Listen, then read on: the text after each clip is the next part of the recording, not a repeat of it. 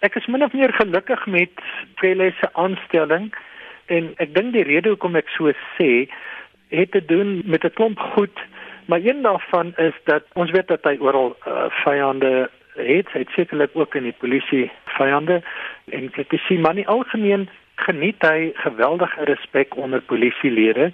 Daar's 'n groot mate van toegeneentheid teenoor hom en ek dink hy het daarin geslaag om homself met die polisie te assosieer as nasionale kommissaris op 'n wyse wat min ander nie polisie kommissarisse kon doen. Hoe sou jy sê misdaadbestrydingsrekord as polisiekommissaris beskryf? Gedurende die net meer as 2 jaar wat hy nasionale kommissaris was, het hy of die polisie ten minste onder sy leiding daarin geslaag om misdaad, ernstige geweldsmisdaad in die meeste kategorieë te laat daal en selfs waar dit nie gedaal het nie, het dit gestabiliseer.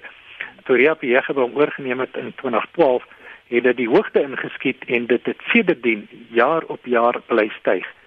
So ek dink hy behoort so 'n bietjie erkenning te kry vir daardie prestasies.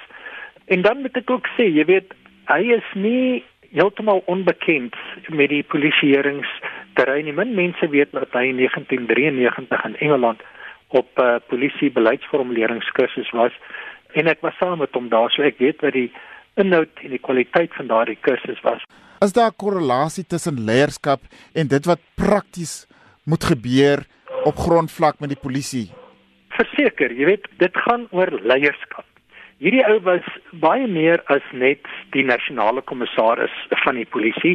Hy is ook gesien as iemand wat leiding kon gee. Hy het sterk gestaan op goed soos byvoorbeeld dissipline in die polisie, op 'n gesonde leefstyl hy is self iemand wat gereeld in gimnasiums is. So in die geheel gesien dink ek van al die ministers sedert 94 en waarskynlik ook voor 94 het hy waarskynlik die beste agtergrond in terme van polisieering en polisieeringskwessies.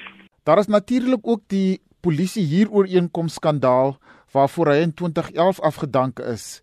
Hoe moet ons dit binne die konteks van sy huidige aanstelling sien? Ek dink persoonlik hy het hom ongelukkig verlaat of te veel verlaat op die senior polisielid wat by logistiek betrokke was wat hom oortuig het om 'n kontrak te teken sonder dat hy hom vergewis het van die inhoud van daardie dokument. Dis uiters onverantwoordelik en ek dink die openbare beskermer het uiteindelik ook bevind dat hy in daardie opsig homself skuldig gemaak het aan 'n uh, uh, grove wanadministrasie. Maar daar's nêrens in daardie verslag van die openbare beskermer enige melding gemaak het dat homself op 'n oneerlike wyse verryk het. Met ander woorde, daar was geen melding van enige korrupsie of oneerlikheid in sy kant. Hoe sal jy Fikile Mbalula wat in 2017 aangestel is, se so korttermyn as minister van polisie beskryf? Ek dink hy het gemengde resultate behaal. Hy het ongelukkig nooit behoorlik verstaan wat die uh, skeidslyn is tussen die verantwoordelikhede van die politieke hoof van die departement en die operasionele hoof,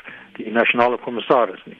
Maar aan die positiewe kant moet mense maar kennis gee vir die feit dat hy reeds kort na sy aanstelling onderneem het om van mense wie daar ernstige beweringe van korrupsie en misdadigheid is soos byvoorbeeld luitenant-generaal Richard Ludwig by misdaadintelligensie en Benning at Vanessa by die Volke hy het toe reeds gesê hy gaan toesien dat hierdie mense uit hulle poste verwyder word en dat daar mense aangestel word daar wat eerbaar en en eerlik is en so aan.